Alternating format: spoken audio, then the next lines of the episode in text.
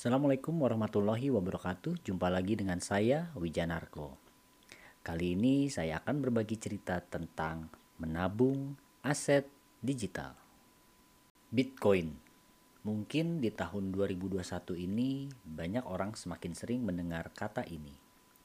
Apa itu Bitcoin?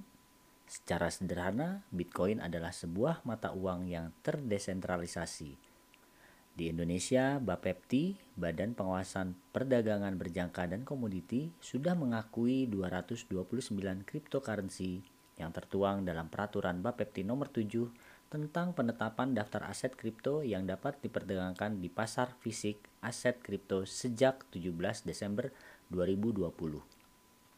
Lalu, apa menariknya menabung aset digital seperti Bitcoin?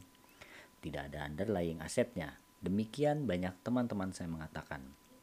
Berdasarkan catatan pribadi saya yang mengenal Bitcoin sejak November 2015, di mana harga Bitcoin saat itu 4,6 juta rupiah.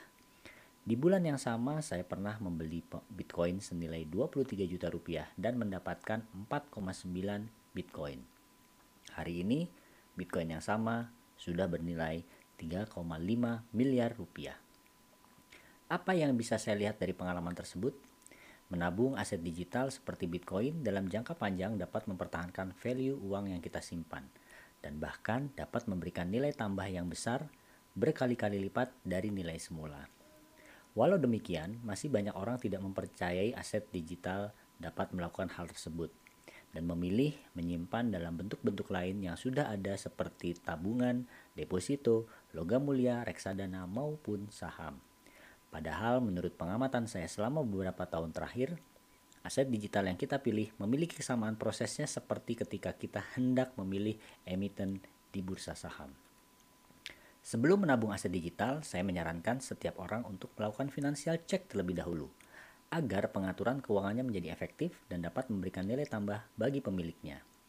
Jadi, apakah teman-teman termasuk yang ragu dengan kemampuan aset digital atau tidak mau tahu? Atau lebih memilih instrumen konvensional yang sudah ada. Saya membuka diri untuk berdiskusi tentang hal ini. Jaga keselamatan, jaga kesehatan, dan tetap produktif ya teman-teman. Sekian cerita saya, sampai jumpa di podcast berikutnya. Wassalamualaikum warahmatullahi wabarakatuh.